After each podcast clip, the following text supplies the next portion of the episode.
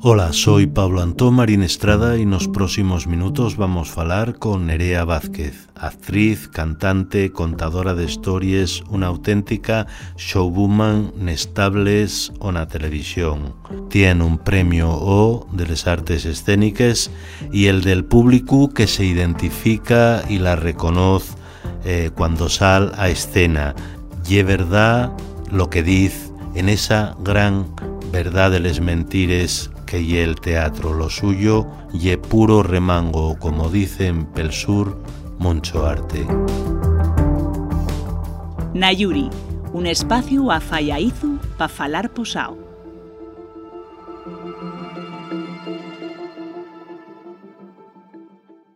Hola Nerea, bien llegada a Nayuri. Aquí estoy, encantada de estar contigo, Pablo.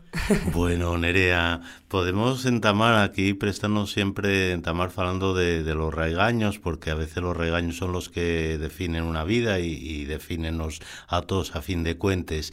Eh, haciendo, eh, digamos, eh, honor al, título de, este podcast, eh, da Yuri, fui a tope de alguna declaración tuya donde contabas que, que fue tu abuela la que te, te prendió la chispa de, de ser folclórica, artista, folclórica, nada menos. Como ¿no? la pantoja.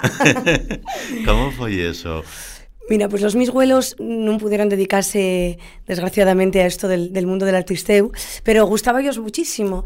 Mi abuela crióse en, en el barrio de los gitanos en Sama, uh -huh. porque su padre estaba preso casi todo el tiempo, y era minero, estaba en el Partido Comunista, y su madre tenía que trabajar muchísimo para poder mantener a, a los sus y criaronla unes tíes ahí en Sama en el barrio Los Gitanos. Y ella siempre, siempre me, me, cuenta que ella veía cómo los gitanes bailaban y cantaban y luego ya escondíase en el portal y hacía lo mismo que había, que había visto hacer aquellas mujeres, ¿no? Y... Ella sola, sin público. Ella, claro, con público imaginario, que Pablo, eso, lo, lo mejor del mundo. Así que yo desde pequeñina, pequeñina, encerrábame en la mi habitación y cantaba también con el pelo suelto y co cogía un bote de laca o cualquier cosa y, y, cantaba muchísimo, mucha copla, porque en mi casa escuchóse uh -huh. muchísimo la copla. En Asturias, uh -huh. parece, aunque tenemos como en la, sí, en la sí. otra punta de, de Andalucía, ¿no? Eh, escúchase mucha copla y la copla y es muy teatrera. Uh -huh. Parece que cada canción, cada canción y como sí, una obra de teatro, tiene una historia además como muy desgarrada, ¿no? Sí. Entonces yo cantaba aquello y lloraba y, re... y mira, si abrían la puerta de la mi habitación, y era como si me vieran en pelota picada, pero daba una vergüenza, pero enorme. Que luego no, no me daba tampoco muchísima vergüenza cantar en público ni nada, o sea, era yo. De hecho, allí en Nacamocha había, había una tienda uh -huh. eh, y yo llamábase Cheres, uh -huh. vendía bragues y sujetadores, Cheres y medias, y yo una corsetería. Sí. Y yo iba y decía a Cheres, Cheres, ¿quieres que te baile? Y Cheres decía, me claro, Nerea, y yo cantaba, no me daba mucha vergüenza, pero cuando estaba como la mi intimidad, uh -huh. sí, ¿no? Entonces yo recuerdo que, o sea, pienso que mi abuela tenía que sentir un poco eso también. Uh -huh. Mi abuela ya es folclórica, ya fía eso de, de políticos sí, sí. perseguidos mmm, por la justicia en aquel momento mala venía, ¿no? Uh -huh. eh, mmm, mujer también de minero, que parece que se, que se juega la vida, sí, parece no, se jugaba en la vida en el puesto de trabajo. Y, y, eso, en Asturias hay lo mucho, el, fol el folclorismo así, de, pasional. Y yo mamé eso y hoy lo que soy también. Muy bien. Y que es verdad, ciertamente, que en esos domines, para pa esas siguientes generaciones, el, el folclore, aunque fuera ese folclore que imponía el régimen y tal, de la copla y tal, pero y era la vía de libertad que tenía, ¿no? La música, el oyer, la piquero, a quien fuere, y, y, por lo menos y era un, un virtud de vida, ¿no? En medio de aquella noche tan De tan hecho, yo prieta, tengo ¿no? un espectáculo que se llama Casting, el musical, uh -huh. sí. y, y, hago homenaje ahí a, a, mi abuela y a mi abuelo. Salen ellos cantando también. Uh -huh. eh, una cinta que mi abuela y mi abuelo grabaron cuando emigraron sus padres a, a Francia. Uh -huh. y, y, ellos tenían como la mi edad ahora prácticamente. Y, y póngolos allí, siéntolos en el escenario y dame como muchísima fuerza. Mi abuela todavía está viva, a día de hoy podemos disfrutarla, ella de mí, yo de ella, pero mi abuelo no. Y, y yo vivo muchísimo de ellos, ¿no? Creo que es súper importante. Y vamos, en ese sentido también eso, tú con los esos regaños en la cuenca en Sama, como, como yo por, por cierto también, que soy de Sama, eh, después Nakamocha, o sea que tienes también esa, digamos, ese, ese ADN minero también y, cuenquero, ¿no? Sí, sí. De alguna manera. muy impregnado dentro de, de, nos, ¿no? Que ya tan, tan importante, ¿no? Y, y ese, eso, ese, ese sentimiento, ¿no? de, de lucha, de pelear por las cosas que te importen, de, valorar a los tuyos, ¿no? Y esa Asturias también matriarcal, ¿no? Sí, sí, que las eh, mujeres tenían ahí un Que las mujeres, mi abuela siempre dice que en les huelgues, las mujeres yeren les que viven a tirar piedras a los que viven a trabajar. De verdad. Y, maízos, ¿no? Que los esquiroles. Sí, sí, sí. De verdad. De hecho yo tenía un vuelo, el vuelo gallego, y era esquirol. Y la otra abuela asturiana tiró y piedras. Y un día yo ya era pequeña y estábamos ahí en Galicia y dijo, y él, ¿qué piensas? Que yo no me acuerdo que tú tiraste piedras cuando íbamos a trabajar a la mina. Así que hay esa cosa ahí, una familia también. O sea, que eso marca, y marca también, por ejemplo, vamos, ese entorno de, de o sea, que ahora llamamos, o bueno, llámase, eh, también parece que se reivindica ahora también eso que lleva, digamos, la, la, conciencia de clase o la identidad de clase, que tiene mucho que ver con lo comunitario también, con esos sentimientos de solidaridad que tanto marcaron otros tiempos y que de alguna manera, aunque más diluidos, siguen también, yo creo, marcando un carácter y una forma de, de ser. Yo siempre lo digo, los guajes de la camocha queríamos en la calle y, y cuidábamos todas las mujeres que estaban allí, en los bancos, en el parque y, en las calles. Y o sea, ese sentimiento de comunidad, de que lle todo de tos, yo creo que es pero importante, ¿no? Y que la verdad es que se está perdiendo y, y algo que yo tengo ahora una niña de 8 años y pienso, cuando yo tenía su edad, Estaban acá todo el día jugando, pasándolo bien, compartiendo. Y éramos todos de, la familia, ¿no? sin, sin celo, todo el barrio. Y ahora parece hasta Nakamocha que vas y, muchas veces yo digo, madre, ¿quién? no lo conozco. Y eso hace unos años ya era como imposible, ¿no? Y éramos familia. Para lo bueno y para lo malo, ¿eh? Porque los pueblos también. sí, porque la Camoche, ¿verdad? Tiene también esa parte que por un oye un barrio, pero a la vez tiene más bien identidad como de pueblín, ¿no? Sí, pueblín de, todo, de toda la vida, aunque no sé cuántos habitantes más o menos, pero bueno. De conocernos todos y del esfuerzo estar abiertos siempre, para ir a una casa o ir a otra, ¿no? Y en todas las casas guajes y, y vecinos y... Y la lengua de ese entorno y era asturiano o la mestao, digamos, habitual, ¿no? Me imagino. Por supuesto. Cuando tú eres niña, digamos que y era de algo cotidiano. Eh, claro, claro. Aunque yo siempre lo digo, que tengo ganas de hacer cursos en asturiano y falar más de lo que de lo que todavía falo porque creo que es mm, pero importante, ¿no? y, eh, cuidar la lengua y valorarla, ¿no? Pero, vamos, desde luego en la camocha todo el mundo hablaba en amistad o en asturiano y era algo que te salía innato, ¿no? De hecho, yo estudié en el Jacinto Benavente los primeros años de, la escuela sí. y diome clase de lengua al Yábana. Ajá, hombre, mítico. y luego fui para los Ursulines y, y era todo como muy diferente, ¿no? La libreta, llamaba la cuaderno, y a mí aquello parecía, ¿me sabes? A la maestra, llamaba la profesora, y yo no, para mí la maestra era la maestra y, el, y, la libreta era la libreta, ¿sabes? Pero, pero sí, sí, sí que en la camocha mantiene todavía mucho eso, ¿no? Y notaste también ese cambio también de entre llegar de la Camocha a Sisión Centro, donde, bueno, digamos también, aunque el asturiano todavía está bueno, todavía se puede oír ahí en conversaciones informales, pero digamos que hay como otro ambiente. ¿Había ese choque o, no existía ya en el tu tiempo? también tú te sentías un poco rara, ¿no? Y distinta, porque pensabas, y yo, ahora pienso que ye paleto pensar esto, pero en aquel momento pensaba, ay madre, tratarme diferente por, por falar así, sabes, más asturiano. Y ahora reivindico mucho eso también, ¿eh? Y, y, también no haber falado, mi padre, eso llega gallego, yo todos los veranos y todas las navidades de mi vida les viví allí. Y yo tenía una cosa con lo gallego. Yo no quería ser gallega, yo quería ser asturiana. De hecho, había un chaval ahí en la camocha que cuando yo era pequeñina, pequeñina, veía me decía, me Luisma, decía, me Nerea, gallegona. Y dábame muchísima rabia. Y era como si me estuviera insultando. Fíjate tú qué, qué chorra, ¿no? Pero renegué mucho de ello desde pequeñina y, ahora echo lo de menos. Digo, si hubiera falado yo gallego, a día de hoy yo falaba gallego con soltura y, tengo que pensarlo para falarlo, ¿eh? Sí, ¿eh?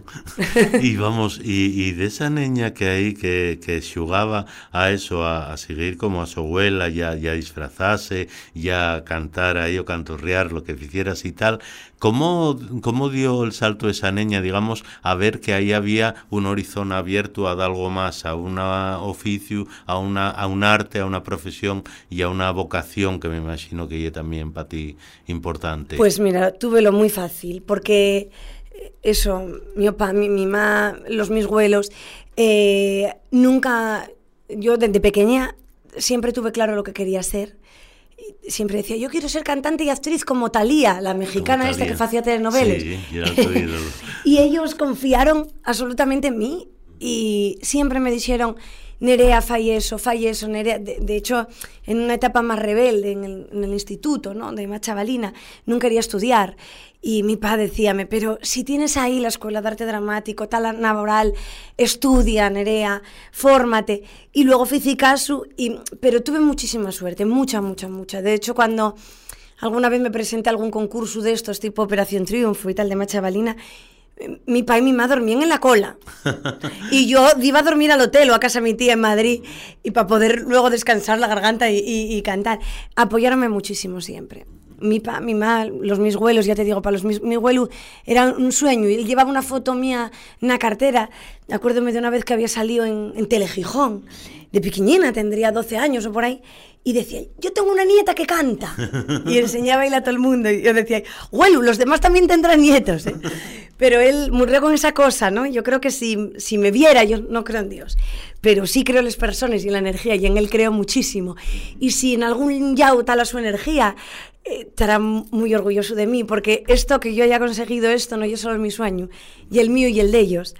Y yo me siento muy orgullosa y siempre tuviste claro, digamos, que ya era parte de lo que querías ser, dices eso, ese ídolo de Talía, pero que, que no era, digamos, separado, digamos, la tu vocación de, de, actriz, de intérprete, de la música que te apasionaba. A mí préstame muchísimo contar historias, muchísimo, de hecho yo... Y lo que los une, ¿no? Las dos cosas. Y las dos cosas lo, los unen. Quizá por eso prestábame tantísimo la copla también, ¿no? Porque gustame mucho, de, hecho con, los mis collacios, con, la mi familia, siempre estoy contando anécdotas, historias de, mi, de los mis abuelos también, de mi abuelo, mi abuelo encantaba y contar chistes y cosas que pasaban. Y siempre estoy recordando eso. Mi abuelo, por ejemplo, dice que no pudo ser cantante porque mm, él debutó en la escuela de Granda, en, allí en, en, en y, y, dice que cantó una canción que se llamaba Sombrero, ay mi sombrero. Ah, sí. y salió con un sombrerín, era piquiñín, iba ahí a la escuela y estaba cantando y puso tan nervioso que se mesió. Y, y entonces cogió, agarró el sombrero y puso así delante de donde se había mesiado para taparlo, y que tuvo pánico escénico y a partir de ahí nunca se pudo dedicar a la música. Yo no sé si es verdad o es mentira, pero hazme tanta gracia que yo cuéntelo como si casi yo lo hubiera vivido. y que estoy visualizando, lo imagen además. Él siempre y cantaba, ¿no? Decía él, yo estaba allí con el sombrerucu y cantaba yo, sombrero, ay mi sombrero, y dice, y tapéme porque me mesié. Yo, a lo mejor ya era mentira, porque él era muy simpático, un morrió muy joven, con 64 años. y, y siempre, tú nunca sabías si realmente y era verdad lo que te estaba contando o estaba metiéndote una trola, pero contábalo con tanta gracia que prestábate por la vida, ¿no? y, vamos, ¿y cómo fue ese encuentro con otra gente, otros eh, rapazos y rapaces que se entiende si ese, esa misma necesidad también ahí en ESAD, que vamos, ahí va gente, digamos, con perspectivas muy diversas, cada uno tendrá sus propios intereses o tal, pero digamos que comparten eso. ¿Cómo fue el contrato? Es decir, no soy una una rara, que sí lo soy, también está bien, pero eh, para mí los años de universidad yo creo que fueron los, los mejores de mi vida. Siempre lo digo, la gente tiene que vivir la universidad, porque no, no por estudiar ninguna carrera, porque encontrar a gente que, que tenga las mismas metas que tú, o metas parecidas, ¿no? los mismos gustos, o, y algo mágico, y, y algo muy potente. Y yo acuérdome de estar en todos cambian, pensábamos que estábamos en fama a bailar, o qué, sé yo, en eso, en una academia, y, y, nos estaban grabando, entonces todo el día estábamos cantando, además la mi promoción, que ya la promoción también de, de Manu Lobo, que de Luis Alija, que luego montó conmigo la compañía Saltantes. Hemos una promoción muy cantarina también. Estábamos todo el día cantando y bailando y por los pasillos. Fue una época eh, intensa, muy intensa, de muchos rises, de muchos lágrimas, de... Pero, vamos, que yo siempre recordaré, de hecho, la mi niña, ayer todavía y pregunté, digo, ¿tú qué quieres estudiar de mayor? Jome, ya, yo como tú. y, o, ojalá cambie de opinión. Pero, pero son, un, son unos años, yo siempre pienso, ojalá, sea lo que sea, estudie y encuentre gente que quiera hacer lo mismo que tú, porque soy una bomba, ¿no? y un crecimiento a nivel artístico y espiritual y personal tan, tan grande, tan grande. Cierto, que a veces, yo verdad lo que dices lo de la niña, a veces parece que a los rapacinos y rapacines como que ellos cortamos les sales cuando tienen un interés eso por lo creativo, por lo artístico, sea por lo plástica o por la expresión o algo así, parece como que prima lo práctico, lo útil, lo, sí, lo que va a tener. algo que sirva para algo, ¿no? que valga para algo. Pero es que hoy en día nada vale para nada. Ya, es verdad. Entonces lo que yo creo que, que vale ya intentar ser feliz. Que cuesta sí. un huevo, ¿eh? Ser feliz. O intentarlo. Y ser libre, y, mm, eh, cuesta muchísimo, pero eh, ya te, yo si, si me preguntaras, Nerea, ¿tú quieres que Triana se dedica a lo mismo que tú? Yo no quiero, pero no yo la mi vida y la de ella. En, entonces, yo voy a dar herramientas para que sea lo que ella quiera que sea. De hecho, yo tengo un concierto, tengo una actuación y ella siempre, mami, yo quiero cantar. Pues sube y canta, hija, que quien canta su mal espanta, ¿no? Sí, sí, es verdad. De hecho, el, bueno, voy a cantar las fiestas de la Camocha Sí. y fue ahí al, al carnicero el otro día allí en la Camocha y dijo y el carnicero, va a cantar Tomá aquí en, en las fiestas, ¿no? Y dijo ella, y yo, también voy a cantar yo. y, y, es verdad, pues claro que sí. Eso sí, tiene que saber que si quiere cantar, hay que estudiar, Claro. hay que ensayar y hay que prepararse, porque el arte y el talento no sale así, mm, Eso vamos, es por Eso- querer hacerlo, ¿eh? Sale con mucho trabajo, con mucho. Una de las cosas también que deprendiste, aparte, vamos, en ese ambiente ahí bono, pero que también había parte de aquello, citabes lo de fama, aquello que decía la directora Colcayau, ¿no? Vais a sufrir, no sé qué, bueno, no sé si sufrir, pero desde ahí veo que tiene una parte también, digamos, eh, necesaria de, de Mucha, mucha. dura y, Claro, de y de lo que disciplina de, ¿no? Y de Ujú, estudiar y de ser constante. Y, y en esta profesión na- nadie te regala, en ninguna, ¿no? Pero hay que luchar muchísimo. Y un paro hablaban de casi el 90%, ¿no? En el mundo de las artes escénicas en general. Eh, hay que estudiar mucho, mucho, mucho. Yo eso, la mía decía, hace unos años, era más pequeñuca todavía, decía, yo soy actriz. Y decía y el, pa, el- mi marido decía, él, no, nena, para ser actriz hay que estudiar mucho, como mami. Y decía, mami no estudia nada. Cría cuervos. Pero la sí, sí que es verdad que yo eso intento inculcarlo. Que si quiere hacerlo y yo puedo dejar que lo haga, yo voy a desear que lo haga, que lo disfrute, pero que lo trabaje. Y que sepa lo que cuesta. Y vamos, no sé si esa siente o tú cuando sales a ella, digamos, con el titulín y toda la ilusión y eso, también veías ese panorama que bueno, y, y es general, pero aquí en Asturias, eh, para, sobre todo para el siente mozo y por muy preparado que esté, ese horizonte que a veces mm, termina, mm, la mayoría de las veces fuera de Asturias o algo así, tú tenías claro también que no era fácil vivir de esta profesión. Bueno, yo llevaba cantando mucho tiempo también, entonces bueno, no es lo mismo, ¿no? Que a lo mejor Les estables son también... No, y yo sabí- sabía lo que había, sabía que nadie iba a venir a mi casa a, a picarme en la puerta y decir, eh, venga Nerea, te- tengo el papel de tu vida, ¿sabes? No. Entonces yo acabé la carrera en, en junio y en noviembre montamos compañía de teatro profesional, ¿eh? apostamos todo o nada. Eh, Luis Alija y yo. Diez eh, años cumplís y ahora. cumplimos ahora en noviembre 10 años, vamos a hacer un fiestón por todo lo alto, eh, comer y beber como gochos porque yo estoy Asturias y si no, no seríamos asturianos, y pasarlo bien, pero hubo muchísimo trabajo, hay muchísimo trabajo, y yo a veces siéntome mal cuando dicen, van, van mal las artes escénicas en Asturias, a mí no me van mal, pero yo sé que van mal. Entonces yo tengo que estar con todos los compañeros que lo están peleando. Nosotros peleamos muchísimo. Luis y un, un trabajador incansable. Digo, Luis, la tu mujer va a divorciarse de ti en cualquier momento porque no fas más que trabajar, chico. Estate un poco con la tu mujer. Y un trabajador incansable. Pero peleando y peleando y luchando y luchando y luchando, estamos consiguiéndolo. Y cada vez, cada año, crecemos más. y, y yo creo que es con lo que nos tenemos que quedar. ¿no? Yo siempre digo que si tú quieres hacer, Ujú. Al final faes, máis grande ou máis pequeño, pero faes, ¿no? Mucha xente te dice, eh, yo veote en Madrid, digo, yo, yo no, yo veo aquí, y disfrutando aquí. de lo mío, y trabajando en lo mío. Yo considero una persona muy exitosa, uh -huh. eh, y no tengo falta de salir en la tele, el otro día, yo veo en Telecinco, digo, qué horror, yo no. Y, oye, lo, los productores de Telecinco, si me ven, y hay muchos perres, lo mismo me planteo dir, ¿eh? pero eh, yo creo que que uno trabaje en, en, lo suyo y en lo que gusta y es ser una persona muy exitosa. Uh -huh. Y yo considero una persona muy, muy exitosa. Así que ¿Y crees que aquí en, en, Asturias, que a veces vamos, la, por ejemplo, las pequeñas las compañías que trabajáis en Asturias, que sois casi todos prácticamente pequeñines, sí, sí. sois pequeña, mínima empresa, que tenéis que pagar los impuestos, todo, tal, todo, todo, que nos pero eso que os dan, que parece que a veces, vamos, que la, la política que, que, afecta al vuestro trabajo a veces depende de los cambios de gobierno, unos y de quien rija ese, ese tipo de políticas, pero eh, ¿no crees que también una de las asignaturas pendientes en Asturias, independientemente de, del gobierno que esté o lo que sea, en cuantes, por ejemplo, a las artes escénicas, eh, y la de la que falta de crear un público, o sea, digamos, de educar y crear un público, non solo, digamos, el apoyar proyectos aí de que tenga para montarse, sino también que haya ese, no só un circuito, digamos, físico, sino también humano, que haya un xente que dende pequeñino la xente se, se eduquen en eso, en que eso lle algo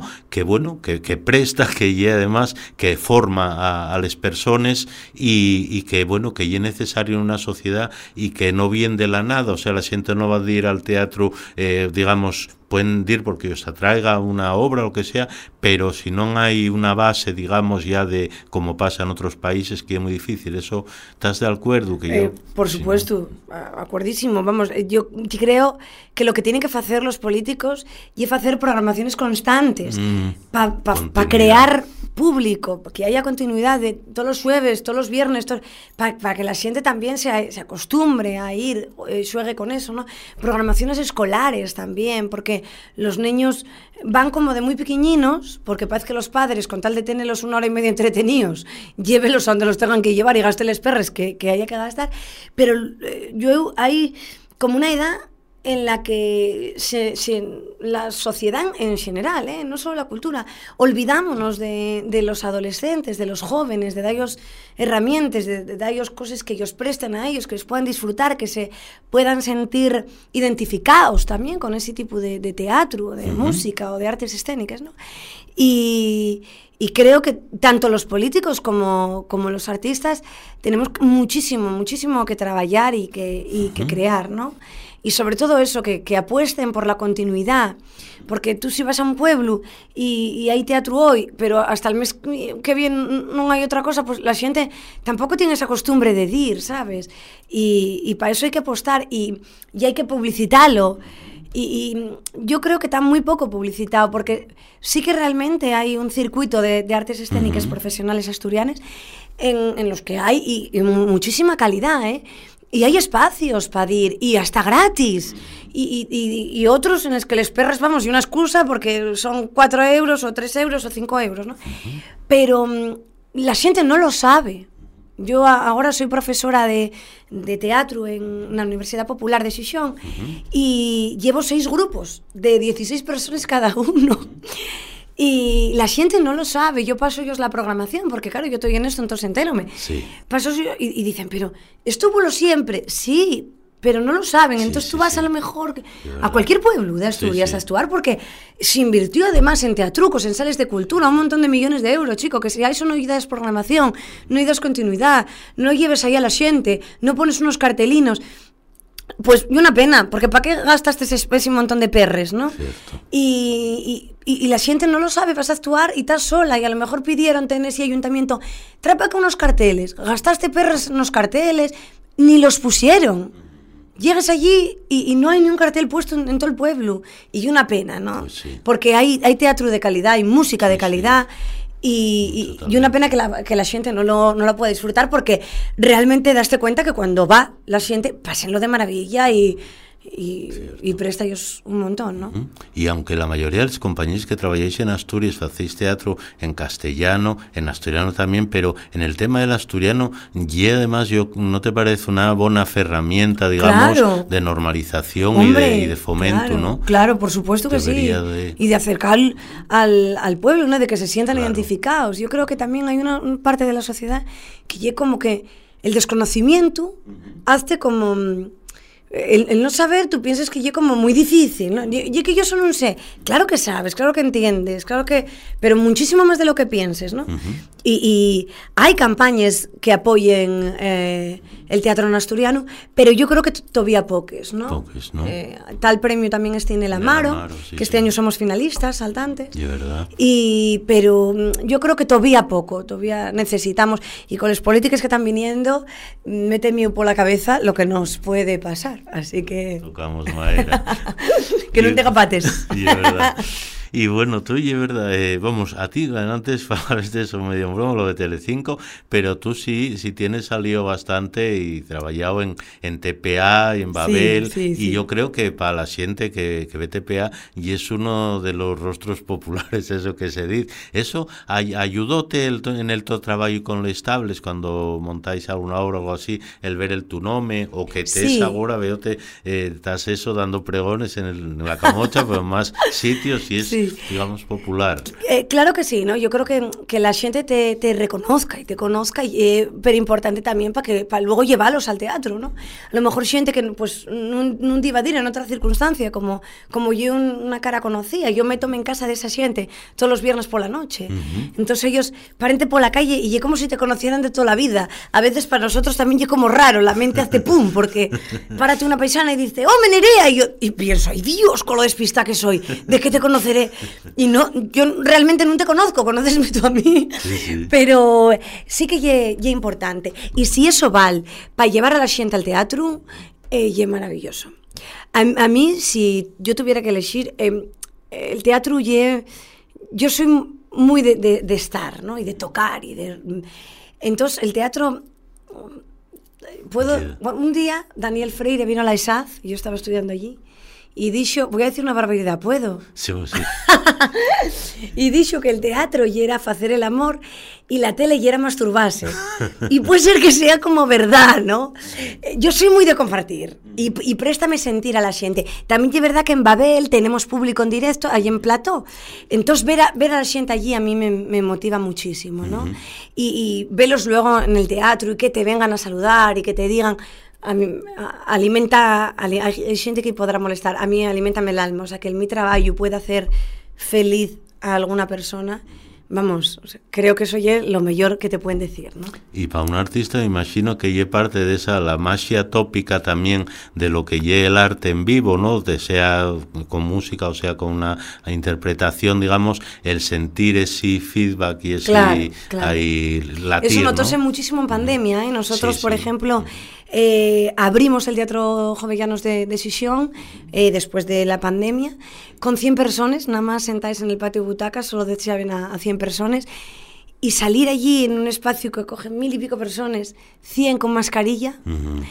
eh, estábamos haciendo comedia, sentirle risas, sentíanse poco, y, y, fue una sensación, y era una sensación muy extraña, ¿no? Uh -huh. Porque um, yo considero además actriz más cómica que dramática, y, y, yo necesito eso, necesito el, el, calor del público y les miráis y, y la energía, ¿no? Eso yo, lo que te decía, nunca creo en Dios, pero creo muchísimo en las personas y en la energía, y eso ya es fundamental.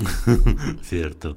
Y vamos, falabes de eso al principio, de que en realidad lo que se trataba ya de contar historias como, como se hace siempre. Yo creo que la cultura basase en eso, ¿no? Y la transmisión ahí, nacional y todo eso. Eh, ¿Tú cuando te sientes más, vamos, y es una pregunta comprometida, pero eso, ¿cuándo te sientes que estás contando más historias o, o que llevas de verdad lo que sientes es eso, cuando cantes una canción o una copla de esas que ya cantaron generaciones, que movieron ahí, que se la sienten amorose, desenamorose, oyendo eso tal, o cuando faes, digamos, eh, de algo también tan, tan fundamental como ya hacer reír en una comedia o hacer reflexionar en una obra, digamos, un poco más seria. ¿Y verdad todo o hay una parte, digamos, que tiene, necesita mayor reelaboración por parte del, del eh, intérprete? Yo creo que yo soy muy verdad.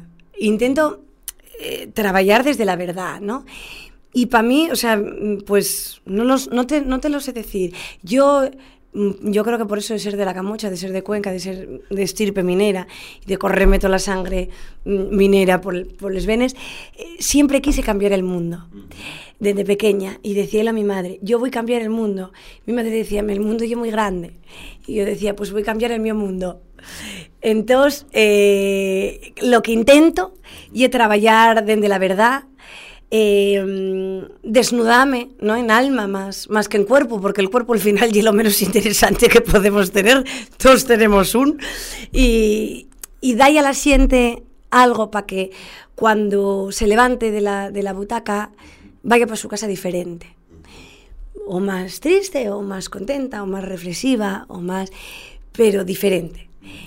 Y, y, el mi sueño es cambiar el mundo, contando historias y cantando canciones y haciendo feliz a la gente y en otros momentos pues triste, porque el teatro y eso, ¿no? Y el reflejo de, de la sociedad, desde que se crea el teatro en, en Grecia y en, y en, Roma, y es justo para eso, ¿no? Para generar una catarsis, para que el público se vea identificado. El otro día decía uno por ahí político, que no sé si nombrarlo, que los artistas que quisiéramos hacer política encima del escenario, que íbamos a tener la puerta cerrada. Eh, y imposible no hacer política encima de un escenario política y todo. Y el que cierre la puerta de su casa a quien él considere, pero Asturias no es suya. Así que que nos deje los asturianos seguir creando, seguir haciendo arte, seguir reflejando el mundo. Y a lo mejor, a lo mejor que este hombre tiene miedo verse reflejado encima del escenario, asustarse el mismo de lo que lle y cambiar de opinión. Pero yo intentaré cambiar el mundo. lo que siempre se fece, ¿no? que hicieron Eurípides, Plauto, eso Vega, siempre intentaron... Bien sea a través de la comedia o a través de la tragedia o, o del drama, porque desde que hay religión ya no hay tragedia, porque como hay perdón y remisión de todo, tú puedes hacer lo que quieras, que ya te perdonarán, ¿no? Sí, verdad. Eh, de, de, del género que sea, puedes cambiarles cosas. Y yo creo que como artistas tenemos un compromiso también de cambiarles cosas, ¿no? Porque el teatro, aunque ye, digamos, ye ficción y ye, digamos, interpretación y de alguna manera ye, bueno, máscares, ¿no?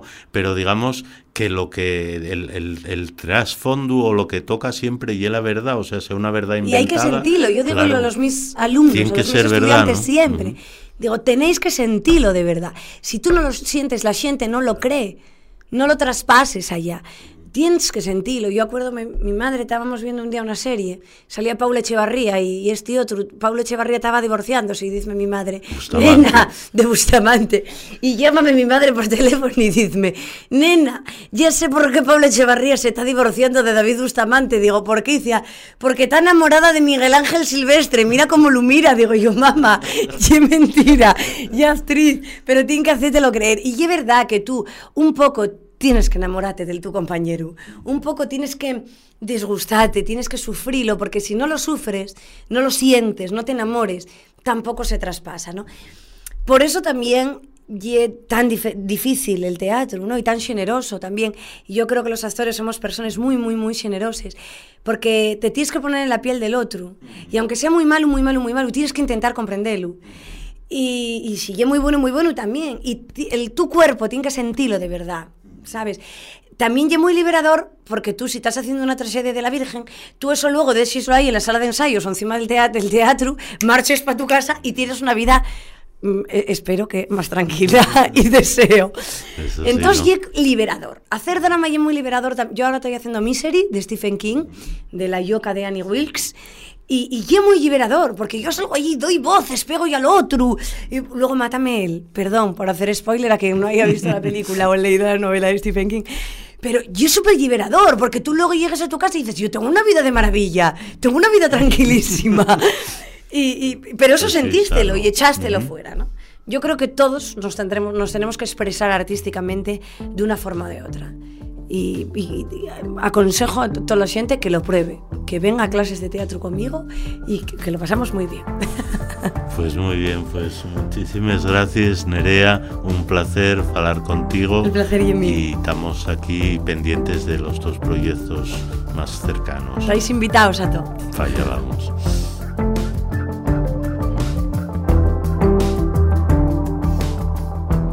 Nayuri, un espacio a Fallaizu para falar posao.